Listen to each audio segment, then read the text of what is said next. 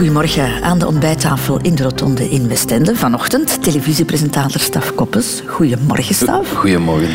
Met zicht op zee. Hé, maar wat een zicht. Dat is hier echt ongelooflijk mooi en rustig. Rustig, hè? En stil. Ja, ik vind het echt fantastisch. Een zee waar je eh, heel veel hebt opgestaan of Ja. veel bent ingevallen, allicht ook. Meer ingevallen dan opgestaan, denk ik. Ja, mijn broer en ik, wij windsurften. En we hebben dat denk ik toch een vijftiental jaar gedaan, als we jong waren. Eh, dat was een fantastische sport. Maar op een bepaald moment heb je een job en dan... Of, of dan je niveau in windsurfen stijgt eigenlijk, waardoor dat je alleen nog maar wilt gaan surfen als er echt veel wind is. En die momenten dat het dan uitkomt en dat je naar de zee kunt vertrekken, die, die worden minder en minder. Dus het is een beetje eh, gestopt eigenlijk, helaas, want het is een fantastische sport. Radio 2. De Rotonde met Christel van Dijk. Staf Koppes, jij bent er 38. Ah, wij gaan de rotonde van jouw leven zo meteen in kaart brengen. Dat betekent dat we alle afslagen die jij ooit genomen hebt, of alle, dat we een aantal Ja. daarvan toch even gaan bespreken. Het lijkt zo'n beetje als in een oud fotoalbum bladeren. Ah, tof. Kan Ja. jij daar goed tegen? Oh, ik vind dat geweldig. Nostalgie. Ja? Ja, ja, zeker. Absoluut. Ja. Sommige mensen worden daar weemoedig van. Hè? ja, je moet daar op tijd kunnen uitstappen terug, hè, denk ik. Ehm, en eh, wat ik wel geleerd heb, ik probeer letterlijk zo de goede dingen uit mijn leven te herinneren. En de slechte, op een of andere manier, steekte die toch ergens achter een deur en komen die eh, zelden terug. Het heeft geen zin om je te wendelen in, eh, eh, in dingen van vroeger die je pijn hebben gedaan. Dat heeft geen zin om daar... eh, Het is leuk dat je daar dingen uit leert, maar die heb je dan geleerd en dan moet je dat kunnen achterlaten en vooruit gaan. Kan jij omschrijven, Staf, hoe jij je beslissingen neemt in het leven? Bijna altijd in overleg met zo de mensen die het dichtst bij mij staan. Ik denk dat er geen enkele beslissing genomen wordt eh, nu zonder dat ik daarover met Monique gesproken heb. En met mijn mama. Ja, mijn mama en mijn vrouw, dat zijn de twee vrouwen in mijn leven waar ik aan vraag van zeg, wat denk jij? En niet dat ik ze altijd volg daarom, hè, maar ik vind hun mening bijzonder belangrijk. Dus je denkt wel na. Je bent niet heel impulsief dan in jouw beslissingen. In beslissingen, ik kan heel impul- impulsief zijn in enthousiasme of in, oh, dat moeten we doen en we gaan volgend jaar dat doen en oh, dat lijkt me plezant. Ik kan daarin heel impulsief zijn. Ehm, maar in effectieve beslissingen nemen, nee, dat, nee, dat duurt soms heel lang. Ja, Ja? Dat duurt bij mij heel lang, ja, absoluut. Om iets te kopen bijvoorbeeld, oh, dat duurt bij mij echt verschrikkelijk. Dan moet ik soms denken, ja, maar als je dat graag wilt hebben, koop dat dan.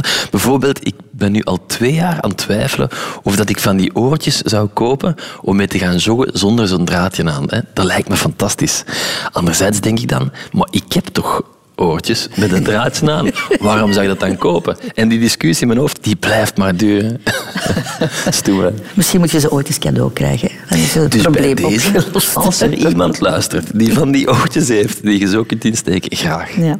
Je bent een bekend persoon, eh, Staf, dus eh, je hebt een Wikipedia-pagina. hè. Dat, dat hoort erbij. Hè. Ja, ik heb die nog wel zelf niet echt bezocht eigenlijk. Dat betekent dat jij geen ijdel persoon bent. hè. Oh, dat, ja, nee, op dat vlak toch niet. Nee, nee, nee, nee helemaal niet. Nee. Maar er staat heel wat informatie op, uiteraard, onder meer dit. Staf Koppes, Holsbeek, februari 1981, is een Vlaams acteur en presentator die op jonge leeftijd al op televisie te zien was. Voilà, er staat veel meer op, eh, Staf. Maar goed, we houden het hier, eh, hierbij. Eh, we komen niet heel veel te weten over jou als persoon op die Ja. Wikipedia-pagina. En dat is een beetje jammer. Dus we hebben Han Koeken aan het werk gezet. En die heeft voor jou een fantastische nieuwe Wikipedia-pagina Oh, gemaakt. zalig, ben benieuwd. Staf Koppes is geboren te Holsbeek op 12 februari 1981 als jongste van drie broers. Broer Matthias ziet in zijn gedachten baby Staf nog altijd voor zich bengelen. staf die hing aan een rekker, aan een balk bij ons thuis. We hadden zo'n huis met een plafond met allemaal balken. En Staf hing daaraan en kon met zijn teentjes net aan de grond. Staf was speels en vrolijk, maar hem voeden was voor mama Agnes geen sinecure. alles wat erin ging, ofwel draakte hij het uit. Het kwam aan alle kanten eruit, bij wijze van spreken. Alleen pompoen en water konden de moeilijke eter binnenhouden, weet oudste broer Maarten. En dus eh, heeft mijn moeder heel veel pompoenfrietjes gemaakt. en op vakantie ehm, eh, dronk Staf altijd witte cola. Bruiswater eigenlijk. Maar ondanks zijn kwakkelgezondheid deed kleine Staf wel duchtig mee met het uithalen van kattenkwaad, lacht Maarten. Ehm, we hadden ook allemaal een skateboard, waar dat we eigenlijk niet mee, we konden er niet op staan, maar we konden er wel op zitten en zo de berg af.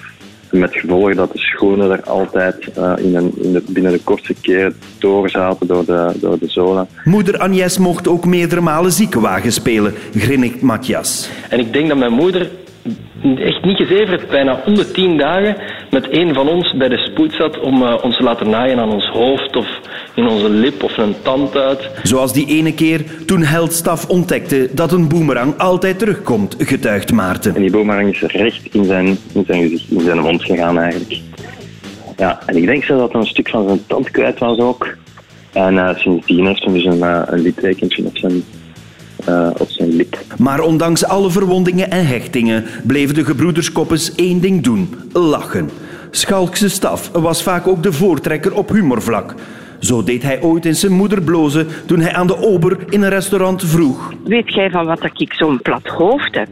En die man zei, nee, ik weet dat niet. Dat is omdat mijn moeder er altijd op slaat. Staf was een clown. Volgens broer Maarten vertoont hij zelfs ook een klein beetje de fysieke kenmerken van een clown. Hij ziet er nu terug uit zoals hij er toen, toen uitzag.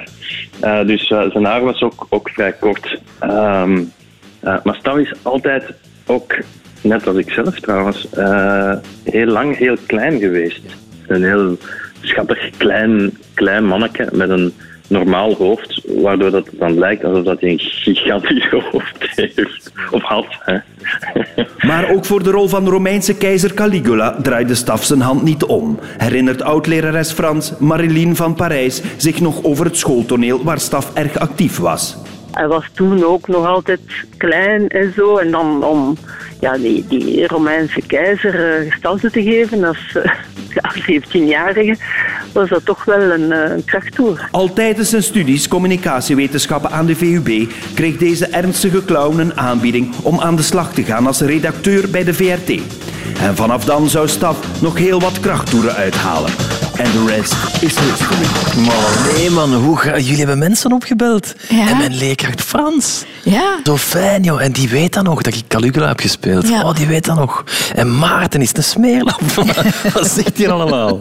Oké. wel kloppen, zeker, hè? Ja, maar ik ga, dit zet ik in betaal. Maar het klopt wel allemaal. Ja, het klopt wel Maar als allemaal. ik dat zo hoor, dan is het televisieprogramma Het Lijf van Koppes echt wel op jouw lijf geschreven. Oh, wel op ons lijf geschreven. En Matthias en ik, wij deden... eh, wij- of eh, Matthias Maarten en ik, wij deden allerlei van die onnozeligheden. Zo, wat dat anderen in de scouts deden, deden wij thuis in onze hof. Dus dat programma is eigenlijk een voortzetting van jullie kindertijd. Absoluut, Je ja. lijf op de proef stellen. Exact. Al die proefjes die we doen en die het, het, het kind in ons naar boven halen. Nu, pas op, dat is eigenlijk hetgene wat ik het liefst van al ook in andere programma's ook doe. Het kind in mij naar boven halen. Omdat ik dat, die verwondering die je hebt als kind, en ik merk dit nu terug bij mijn eigen kinderen, die mogen nooit kwijtspelen. Staf Koppes, ik ga jou even meenemen naar de allereerste afslag in een mensenleven. En dat is terechtkomen in een bepaalde wieg. hè. Je bent de jongste eh, van drie broers. Een gezin waar blijkbaar heel wat kon. Toch? Maar een zekere vrijheid toch wel. U zeker, absoluut. Ik herinner mij ook als, als kind dat wij eh, mochten buiten spelen. En als het donker was, dan moesten we terug binnenkomen. En buiten spelen was niet in een tuin, maar dat was gewoon de bossen induiken en, en zotte dingen uithalen. Iets wat dat we nu gewoon niet meer kunnen voorstellen. Dat je dat nu bij de kinderen doet, dat gaat niet meer. De tijden zijn veranderd. En dat vond ik fantastisch. Dat was echt Matthias Maarten en ik. We pakten ons skateboard, wij trokken eh, de Chartreuzenberg in Olsbeek op. En dan gingen wij met dat skateboard daar naar beneden eh, racen. En dan eh, tegen dat donkerheid kwamen we terug thuis. Ja. ja, dat was fantastisch, ja. Nochtans, jouw moeder, we hebben het net gehoord, veel op de spoed gezeten met Ja, jullie. Daardoor ook. Hè. Ja. We gingen op zoek naar de kick. Ja. Dus ze moet veel geduld met jullie gehad hebben. Ja, ja, absoluut. Ja, ja, zeker. Oh, ja, ja, ja. En eh, vooral met onze Matthias eh moesten ze veel geduld hebben. Wij allemaal trouwens. Onze Matthias die kon aan tafel, als we met de drie broers aan tafel zaten, of met het gezin aan tafel zaten, eh, dan kon die soms niet stoppen met lachen. Ook niet als iedereen er kwaad van werd. En dan stuurden wij die met z'n allen, dat is erg, wat ik nu ga zeggen is heel erg, naar de kelder, want dan moest hij zijn bord daar leeg eten. En het erge is, wij zaten dan boven, de sfeer was weg. We zaten dan boven, muisstil, hoort alleen maar zo wat bestek klingelen. En vanuit de kelder hoorde ene lach en dan denkt hij, hoe kan dat? Dus ja, ons moeder en ons vader allebei, die hebben echt geduld met ons moeten hebben. Ja, we konden Ja. wel... eh, Maar jullie kregen altijd weer dat vertrouwen. Ondanks gebroken benen, armen, ik overdrijf nu misschien, maar jullie kregen altijd dat vertrouwen. Ja, maar ik denk dat mijn, mijn ouders allebei ook wel heel erg, en mijn moeder ook nog altijd, heel erg eh, avontuurlijk ingesteld waren zelf ook. En die vonden dat belangrijk, dat je buiten in de natuur het ding gaat doen. Ehm, ja, die vonden dat heel tof. Die, vonden dat, die moedigden dat ook aan. En als dat gebeurt, dat hoort erbij. Ja, dat neem je daar dan van mee in je latere leven, van, van zo'n opvoeding? Ja, dat, dat, die dingen, dat zijn de dingen die je herinnert. Hè. Eh, ik bekijk soms mijn zoontje en mijn dochter en dan zijn die op een tablet bezig en dan denk ik van, jij gaat nooit, nooit, nooit, als je 38 bent, terugdenken aan wat dat je nu op die tablet aan het doen bent. Maar je zou daar wel aan terugdenken. Als je nu in een tuin een kamp zou bouwen en je zou daar iets mee doen, dat zijn herinneringen, denk ik. Eh, dus ik, ja, dat is, dat, is, dat is niet dat ik conservatief wil zijn, maar ik denk dat dat heel belangrijk is dat je als kind zo buiten met niks eh, iets kunt doen. Want we hadden, we, hadden, we hadden niks, dat klinkt alsof dat we geen geld hadden of dat arm was, dat is zeker niet het geval. Maar ik wil zeggen, we hadden niks nodig om ons te amuseren. We hadden een touw nodig, een boom, een tak en daarmee deden we iets. Of, of, eh, of we, gingen, we maakten van die touwen meet en dan gingen we onze fiets om ter eerst erover rijden. Of, enfin, dat, was, dat, dat, dat was wat je mee moest En daar groeit je fantasie van Ja, natuurlijk, daar hè? Mhm. groeit de fantasie uit, absoluut. Nu, eh, Staf, na jouw oudste broer Maarten is er ook nog een, een zusje geboren, Ja. hè? Saartje. Maar die is eh, twee maanden na de geboorte gestorven. Wie gedood. Ja. Hè? Je hebt dat niet gekend. Nee, hè? ik, heb, ik ben later geboren, ja. Maar in hoeverre heeft eh, dat sporen nagelaten? Bij mijn ouders ongetwijfeld allebei heel erg. Ik denk dat dat iets is wat dat het, dat het, het ergste is wat je als ouder kunt meemaken, kind verliezen. Ongetwijfeld. Het zou andersom moeten zijn. En zeker zo jong, van ja, gelijk welke leeftijd, dat is altijd erg. En, en ik weet dat dat, eh, eh, daar, is nooit echt veel over gesproken thuis. Er stond thuis wel op de kast een beeldje. En dat beeldje staat nu nog steeds bij mijn mama op de kast. En dat is het beeldje van Saartje. En elke dag, 11 april, denk ik eraan van, dan moet ik even een bloemetje naar mama brengen. Of, Doe je eh, dat nog altijd? ja, dat, dat vind ik wel, daar sta ik wel op. Ja. Ik kan het wel eens één keer vergeten zijn, maar ik probeer daar toch aan te denken. Omdat ik, dat, ik weet dat die dag blijft voor haar een hele moeilijke dag. En ik kan me dat ook voorstellen. Ik denk dat je dat nooit, nooit kwijtraakt. En nu- zeker nu dat ik zelf kinderen heb, besef ik dat me eens te meer. Oh, ik mag er niet aan denken dat er met iets gebeurt. Maar in, in hoeverre heeft dat ook een weerslag gehad op jullie opvoeding? Bijvoorbeeld, jij was ook een zorgenkindje, hè? Dokters hadden gezegd dat jij geen vijf jaar ging worden. Nou, wel, dat is blijkbaar ooit gezegd geweest, ja, inderdaad. Ehm, ja, ik denk dat, dat dat moet een ellende geweest zijn vroeger voor mijn ouders. Ja. Die angst de hele tijd, dan gaat er iets gebeuren, of is, hem- gaat hem het halen, of is hem oké? of, maar of, wat had eh, jij precies? Goh, ik, dat is een, ik had een, een soort van combinatie van allerlei allergieën, waardoor dat ik eh, niks verteerde, of heel weinig verteerde. Daardoor, ja, eh, mijn spijsvertering liep dan ook helemaal niet goed. Wat dat je dan ook hoort, want als mama zegt, het kwam er langs alle kanten uit. Heel plastisch omschreven. Maar zo was het ook. Ik herinner me tot mijn vijf jaar dat ik effectief witte cola dronk. Wat ik trouwens nu ook aan het drinken ben. Water, ja. Ja, maar dat is trouw. En mijn broers die, die dronken dan echt cola. En dan speelden die het spelletje zo dat die tegen ons mama zeiden, want ze wisten dat... Dan, oh, mogen wij ook eens witte cola? En dan zei ons mama, nee, nee, dat is alleen voor staf. En dan dacht ik, yes! Maar ik was gewoon water aan het drinken. Ik kreeg soms ook ijsjes, hè. En dat was gewoon een stokje in water bevroren. En dan mocht hij dat oplikken. Ja, dat. Maar pas op, ja, dus ik denk dat, dat eh, ehm, eh, het verlies eh, van Saartje een, een hele grote stempel heeft nagelaten. In, dat is iets dat sluimerend altijd aanwezig is. En dat verdriet is ook iets wat je altijd wel voelt. Ik denk dat dat voor mijn vader ook iets onoverkomelijk geweest is. Ja. De Rotonde. Radio 2. Radio 2. Staf Koppes, jij en je broers, hoe close waren jullie?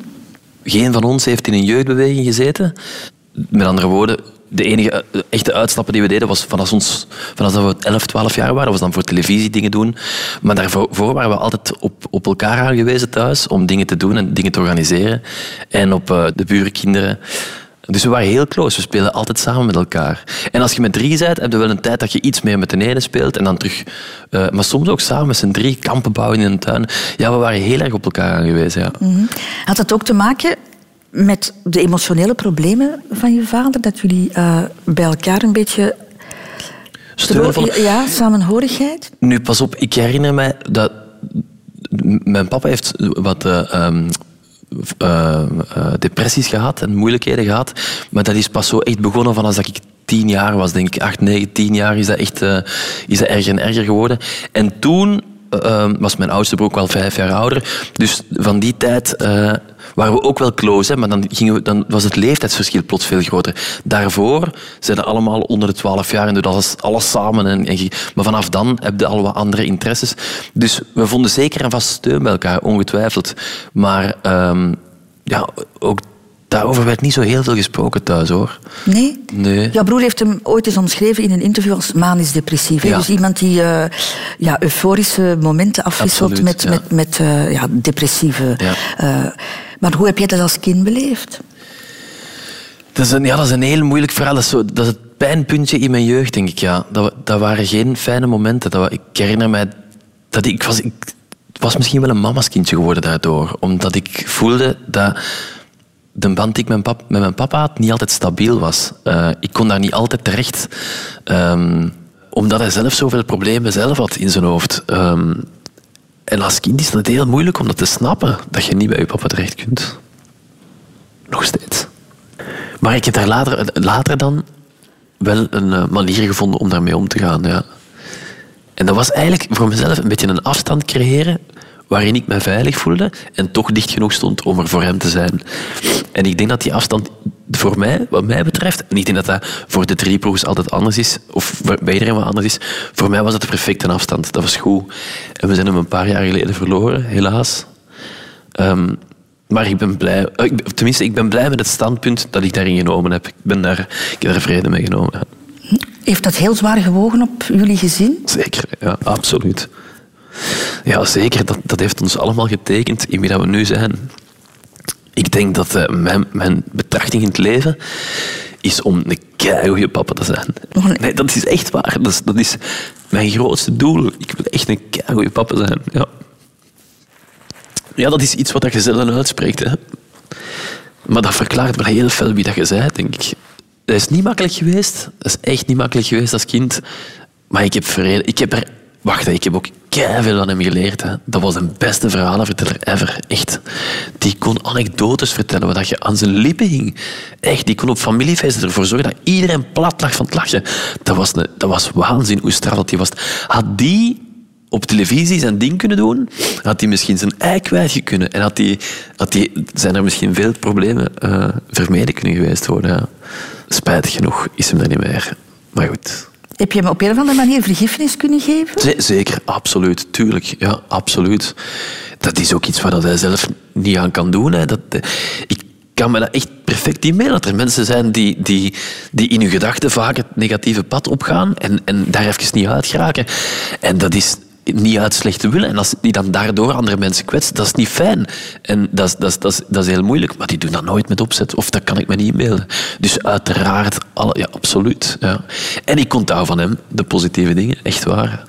Ongelooflijke verhalenverteller. Hij vertelde vroeger verhalen over Kobuske. Een manneke in een jeep gnat en door het bos reed. En ik ging aan zijn lippen, echt waar. Ja. Heb je ooit schrik gehad, Staf, dat je dezelfde genen hebt? Ik heb dezelfde genen. Ja. Wij alle drie trouwens. We hebben een stuk van ons papa. Maar omdat ik dat weet, voel ik aan mezelf ook van oké, als ik die negatieve straat inrij, dan moet ik op tijd stoppen. Ja. En je zorgt nu voor heel veel stabiliteit voor jouw kinderen. Dat hoop ik. Ik wil een superpapa zijn. Ja. De keuze voor het podium, die was er al heel vroeg, hè? Ja. Mede ook door jouw papa, die, uh, die, waarvan je net zei, was een geweldige verhaal. Een geweldige verteller, absoluut. Mijn grootvader was regisseur. regisseur. Dus dat moet van die kant helemaal gekomen zijn. Uh, en ons interesse daarin was van kind, ja, van, van als we echt klaar waren. Ik herinner mij dat ik op mijn twaalf jaar aan het sparen was voor een montageapparaatje. Uh, en dan konden van de ene VHS-speler naar de andere stukjes input en output geven en monteren. En dan speelden Matthias en ik in een tuin um, Camille Spisses en Paul Jambers na. Dat bestaat nog, dat materiaal. Dat zit dat ergens. Ja, ja, ja, maar dat zit ergens op de zolder in een hoekje weggeduwd. Maar we waren daar altijd mee bezig. En onze eh, betrachting was niet zozeer om op een podium of voor een camera te komen staan, maar wel om verhalen te vertellen.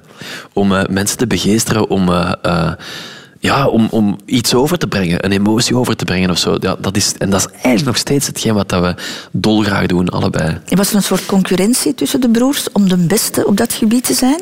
Nee, nee, want we hebben, nee, eigenlijk niet. En dat is, toch dat is ook nooit geweest daarin, zo'n concurrentie wij zijn wel heel kritisch naar elkaar. Nog altijd, als Matthias iets maakt, ben ik denk ik de enige die heel hard mag zeggen van dat is echt niet goed, dat hadden we anders moeten doen. Of we, we, denken zo hard hetzelfde over televisie, of, of wat dat er goed is, of wat dat er goed werkt. We, zijn daar, we zitten op één lijn, maar we zijn wel heel hard tegen elkaar.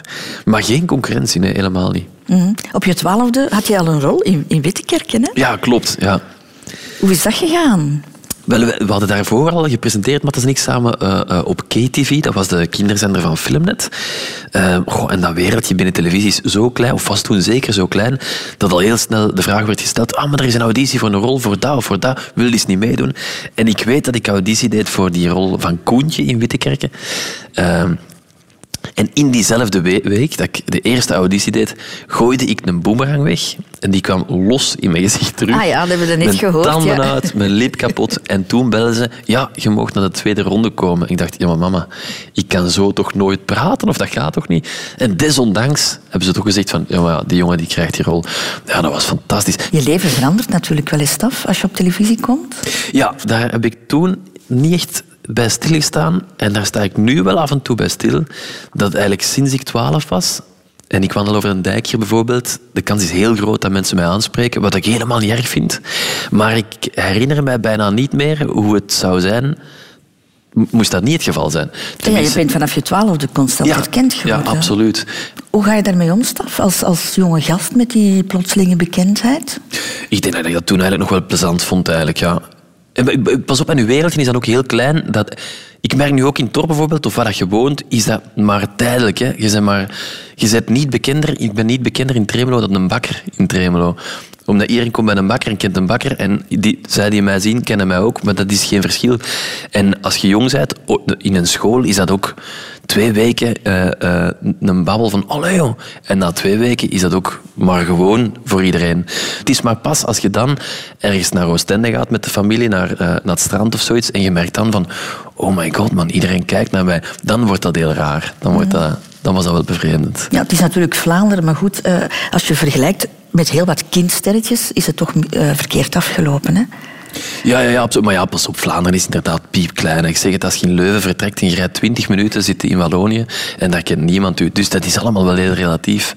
Ehm, Maar hebben jouw ouders daar ook een rol in gespeeld? Om jullie met de voetjes op de ja, grond te houden? zeker. Ons mama heeft er altijd op gestaan, op gehamerd. Van, je weet dat dat niks betekent. En vandaag zij de koning, maar morgen kun je, kun je iets voor hebben en kan dat helemaal veranderd zijn.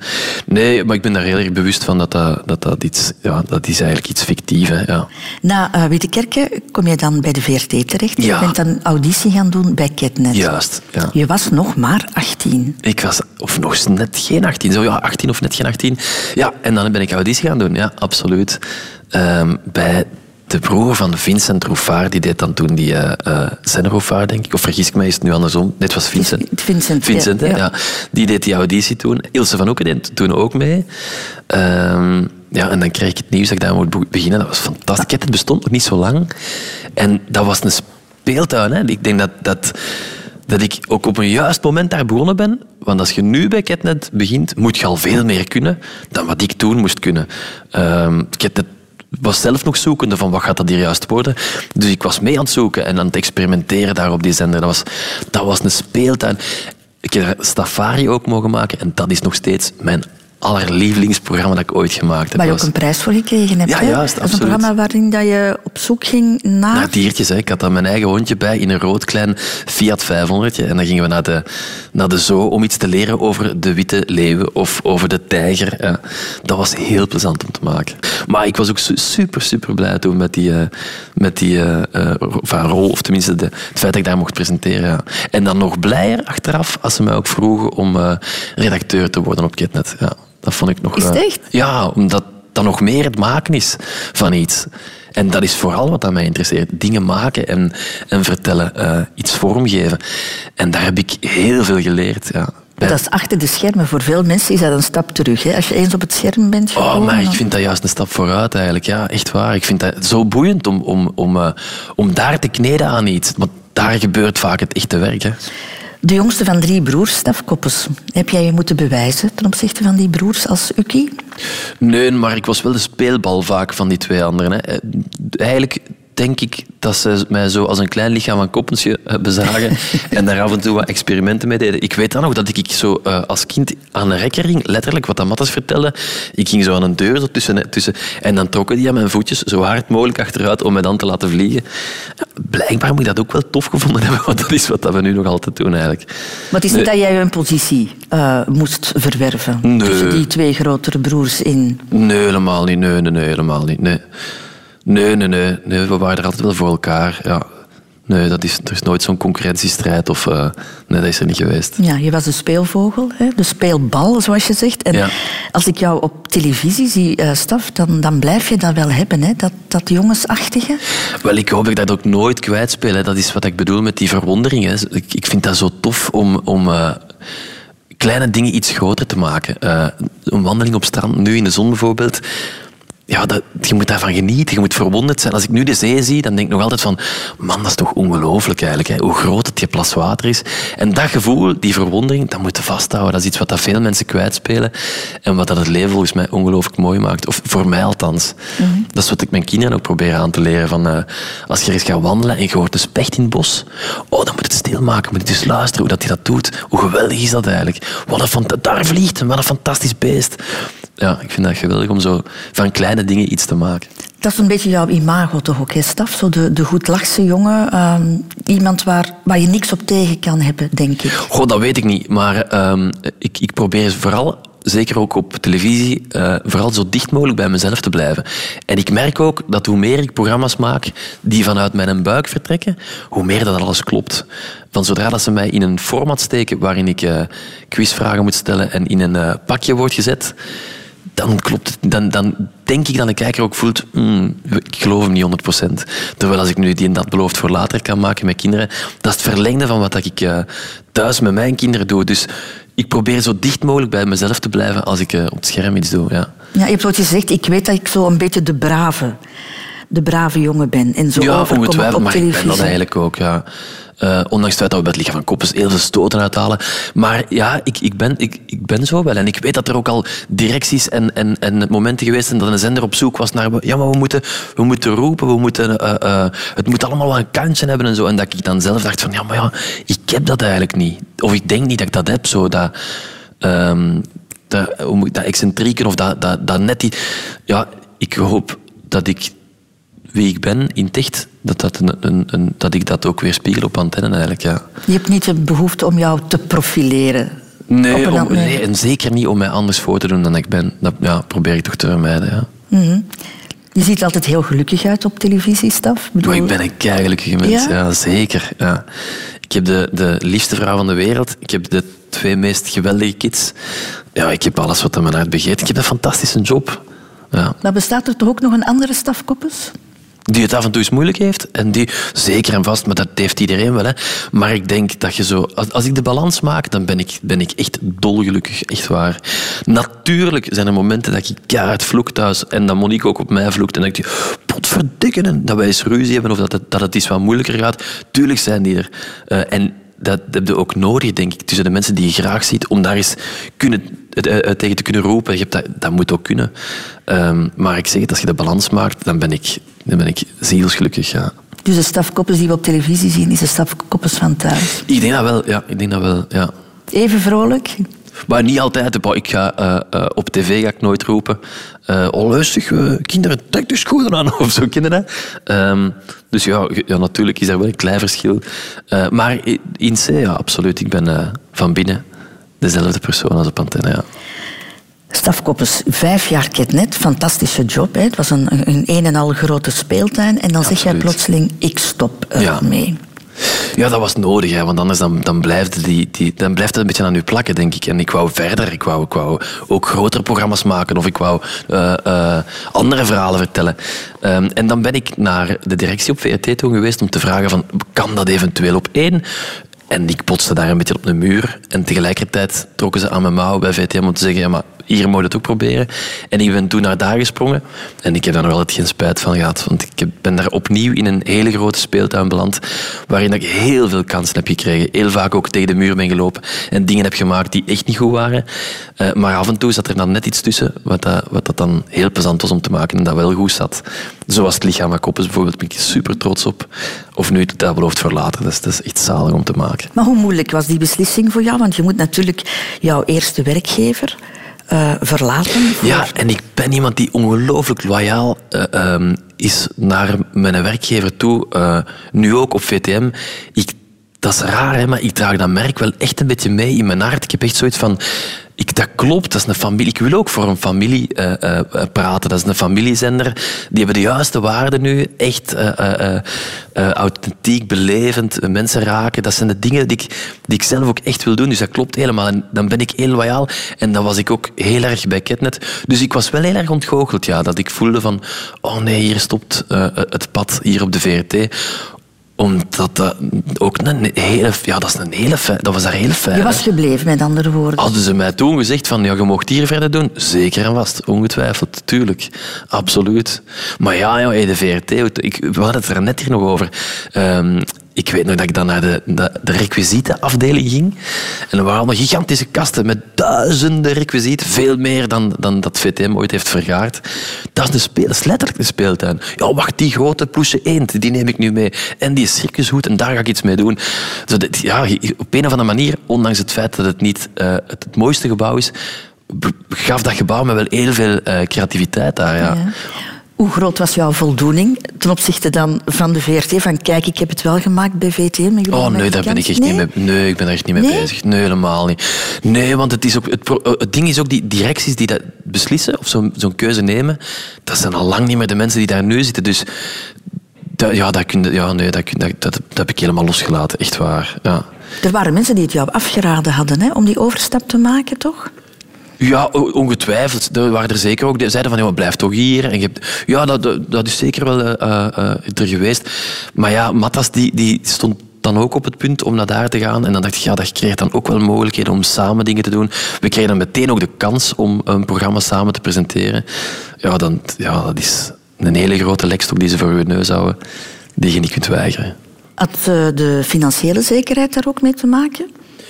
Want dat Eh, wordt dan altijd gezegd. Hè. De overstap naar VTM, dat is voor de centen. Ja, maar ook daar denk ik dat ik in de generatie zat net na het moment dat daar echt veel geld te verdienen viel. Eigenlijk. Als ik dat zo bekijk, de mensen daarvoor, die hebben daar echt nog eh, de gouden jaren meegemaakt. Hè.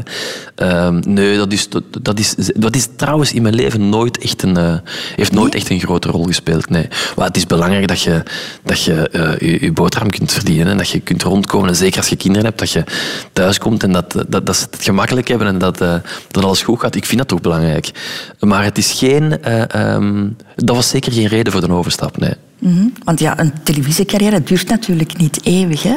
En jij Wel, bent ik al, heel lang ja, bezig. Hè? Ik, ik probeer een marathon te lopen eigenlijk op dat vlak. Ik probeer zo lang mogelijk eh, ehm, die job die ik heel graag doe, te doen. Eh, en dan is het heel belangrijk dat je juiste keuzes maakt. En dat je... En dat denk ik nu, dat je zo dicht mogelijk blijft bij wie dat je echt bent. En dan, dan gaat het het langste duren, denk ik. Ja. Maar is dat een soort van, van zwaard van Damocles dat zo boven jouw hoofd hangt? Van... Nee, want moest ik morgen niet meer op het scherm komen, dan dat, ik zou er niet van wakker liggen, helemaal niet. Als ik maar verhalen kan blijven vertellen. En als ik, dan, als ik dat achter de schermen kan doen, of op een andere manier, heel graag. Ja. Nee, de, de- het, het, het feit dat ik op het scherm kom, dat is voor mij helemaal geen eh, motivatie. Nee. Nu, ik vraag het maar omdat je al zo vroeg met eh, televisiewerk begonnen Ja. bent. Daardoor heb je ook niet verder gestudeerd, Staf. Nee, klopt. Nee, ik ben communicatiewetenschappen gaan studeren en op dat ogenblik vroegen ze mij om redacteur te worden op Ketnet. En toen dacht ik, wacht, maar wat ik nu aan het studeren ben, dat is eigenlijk om later redacteur te kunnen worden. Maar ik kan dat nu al worden. Zou ik dan nu niet gewoon springen? En ik heb dat toen gedaan. En het eerste jaar had ik dan wel wat schrik van, oh nee, ik hoop dat blijft duren, want als het nu stopt, dan heb ik niks. Ehm, maar nu heb ik daar geen spijt meer van. Nu denk ik dat wat dat je leert gaandeweg binnen televisie en in de media is zoveel meer dan dat je kunt leren op die vier jaar aan, de, eh, aan commu- communicatiewetenschappen, denk ik. Dus ik denk, ehm, nee, ik denk dat dat geen, geen rol nu niet meer speelt. Maar toen wel, ja. Die keuze om te stoppen. Ja, dat nou, moet toch was heel niet- moeilijk nee, was geweest. En wat vonden jouw ouders ervan? Ja, ons moeder zei, ja, jong, ja, dan moet je dat doen als je het niet ziet zitten. En je kunt dat nu gaan doen. Ze snapte helemaal waarom, dat ik, het, waarom dat ik stopte. En ze zag ook die opportuniteit. En ze had ook zoiets van, ja, dat kun je eigenlijk nu niet laten liggen.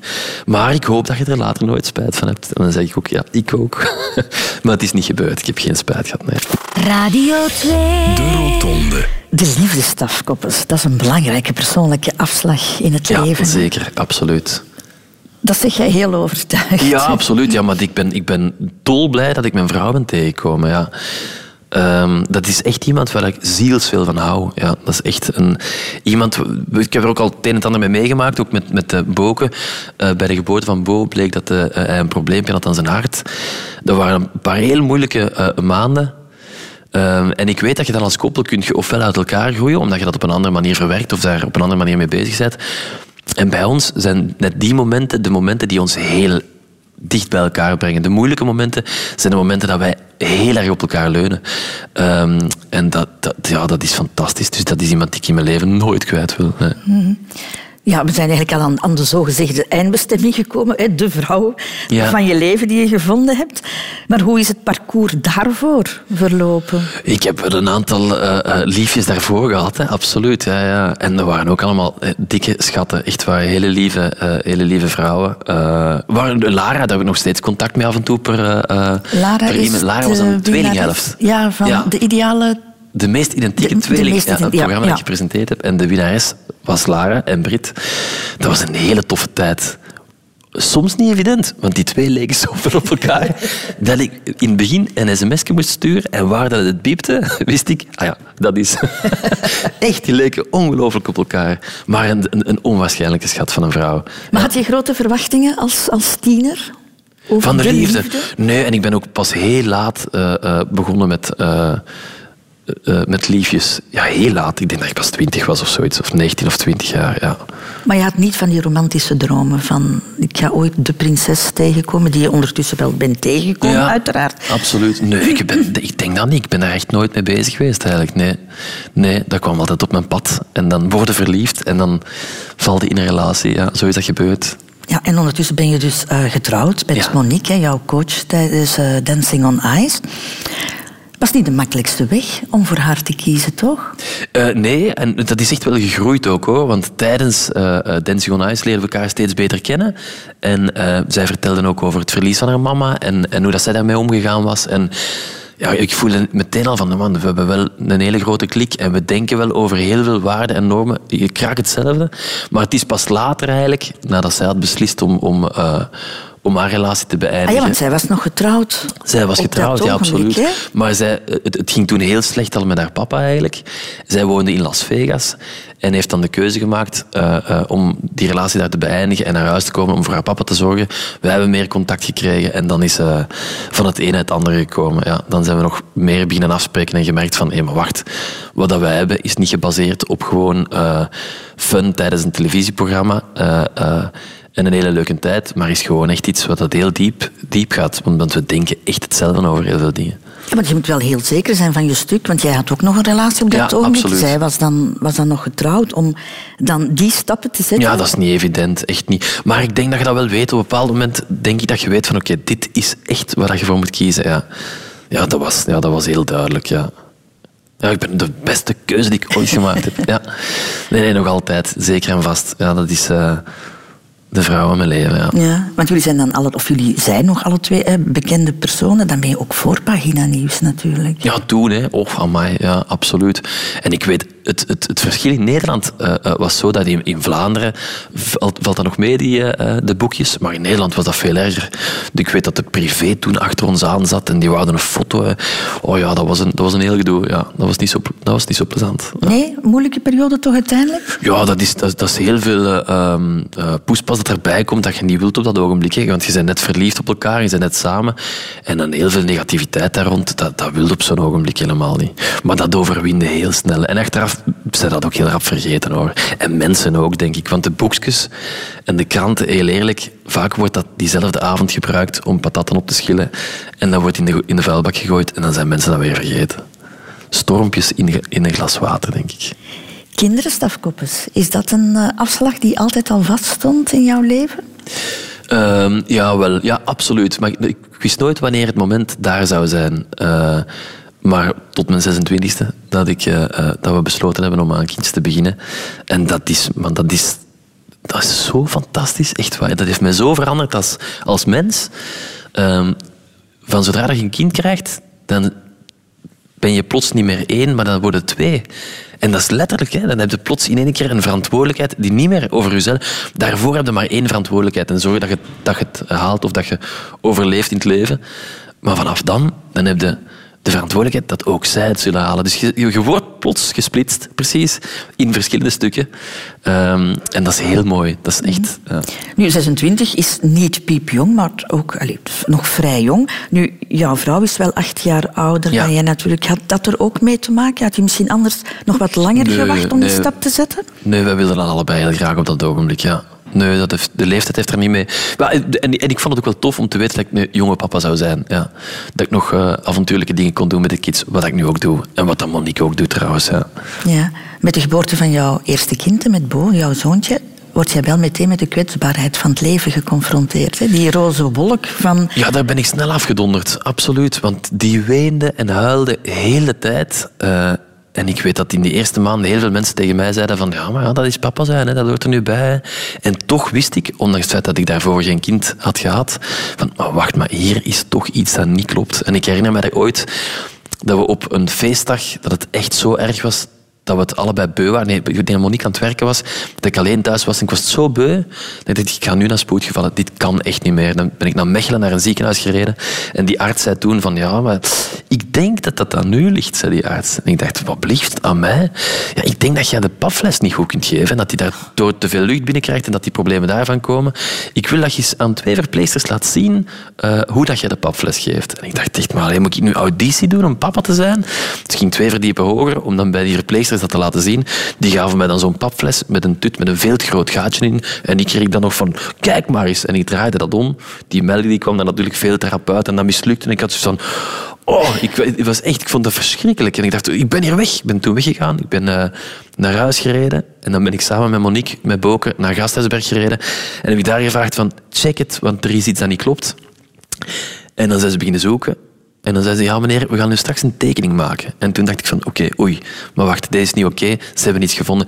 En dan zeiden ze, ja, hij heeft een, een, een afwijking aan zijn hartje, iets wat we perfect kunnen oplossen, maar dat wel belangrijk is om te weten en dat we echt wel moeten uh, iets aan doen.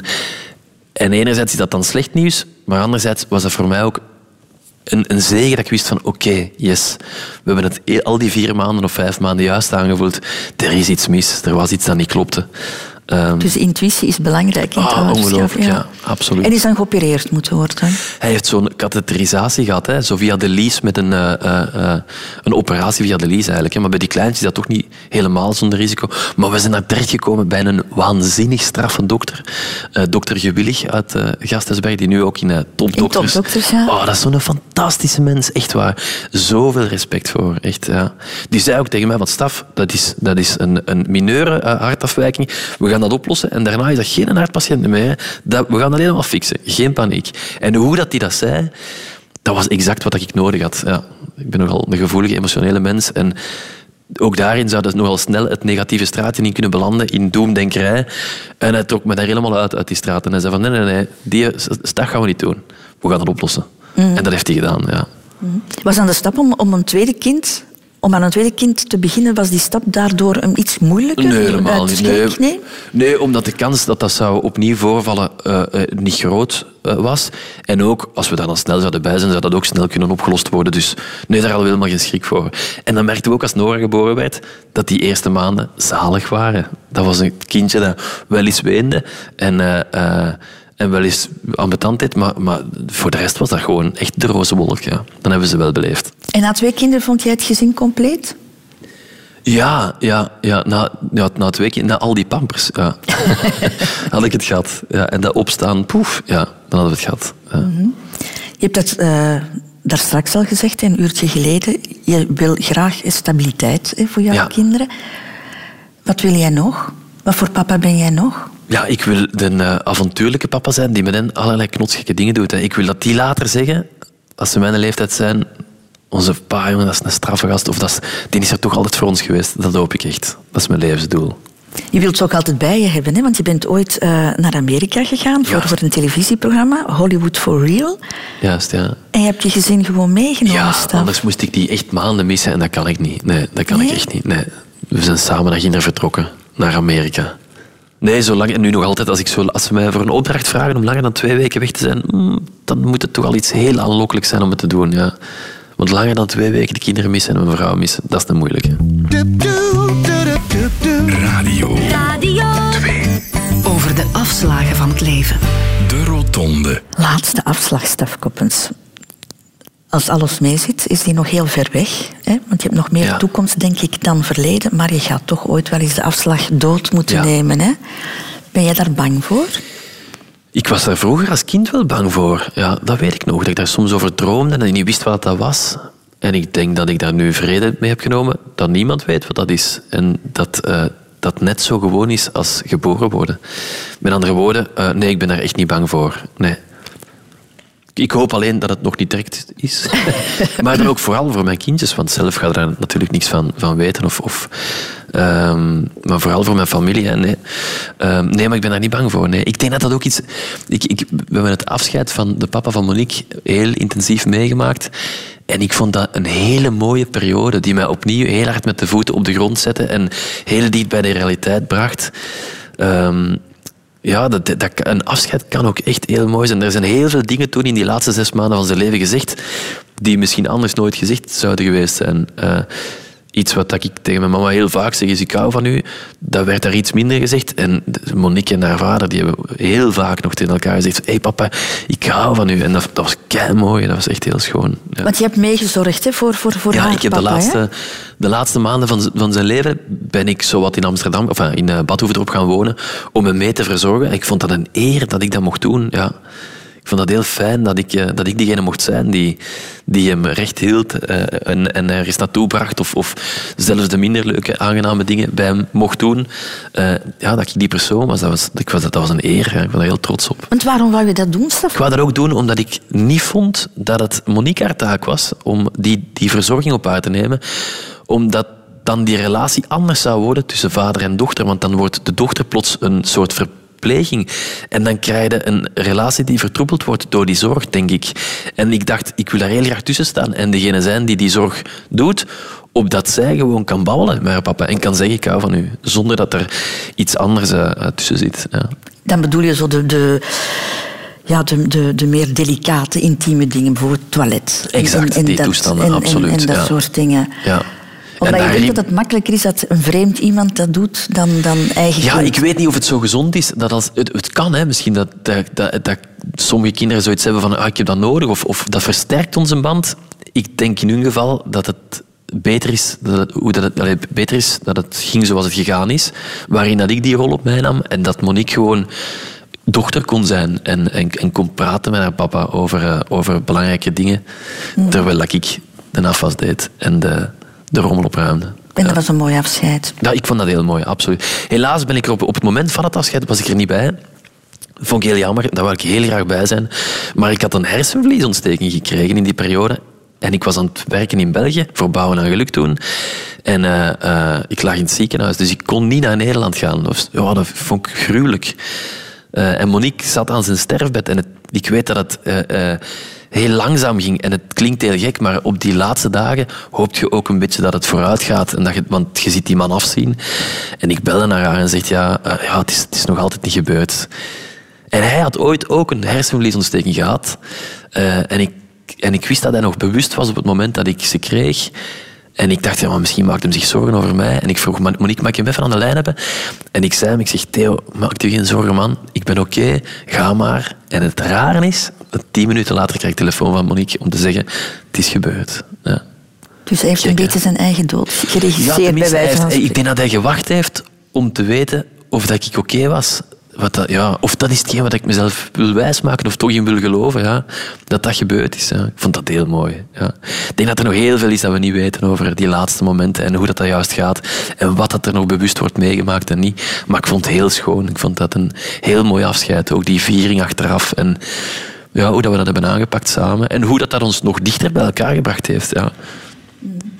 Je praat niet zo graag over jouw papa, we gaan dat ook niet lang doen. eh, maar jouw papa is onverwachts overleden. ja, absoluut. Ja. Dat is dan toch een, een, een heel ander afscheid Dat is dan. een heel ander afscheid. Ja, dat is plotsklaps. Hè. Dat is eh, eh, voor een voldongen feit staan. Plots van, oei, ah, het is zover. Ehm, ja, ik, dat is een hele andere manier van afscheid nemen. Ja. Ik prefereer de eerste. Hoewel de Leidersweg waarschijnlijk erger is, ehm, hoop ik toch afscheid te kunnen nemen voor ik ga. Ja. Wat zou je allemaal nog willen zeggen dan? Waarschijnlijk ondertussen een keer ik hou van u. ja, dat is het belangrijkste. Hè. Staf Koppes, Ja. ik vond het heel fijn om met jou te ontbijten. Heerlijk, hè? Ja, en wat absoluut. ik ook heel fijn vond, is eh, dat ja, de staf die ik hier gezien heb aan de ontbijttafel, dat is gewoon dezelfde als de staf die ik zie op televisie. Dat doet me plezier. Geen Ja. verschil, maar echt niks. Hè. Dat is mijn betrachting toch, ja. Maar wat mij het meest zal bijblijven, Staf, is toch de manier waarop jij over jouw gezin gepraat hebt. Zoveel dankbaarheid ook. Ja. En dat is heel mooi om te horen. Dank je wel. dank jou. Nog één ding, Staf, Ja. en dat is het gastenboek. Ja, daar heb ik iets in geschreven, ja. Zal ik het voorlezen? Graag. Lieve Christel, de rotonde voelde aan alsof je in een spiegel kijkt. Eentje met hier en daar een barst in. Was scherven brengen geluk. Dank voor de fijne babbel, liefste staf.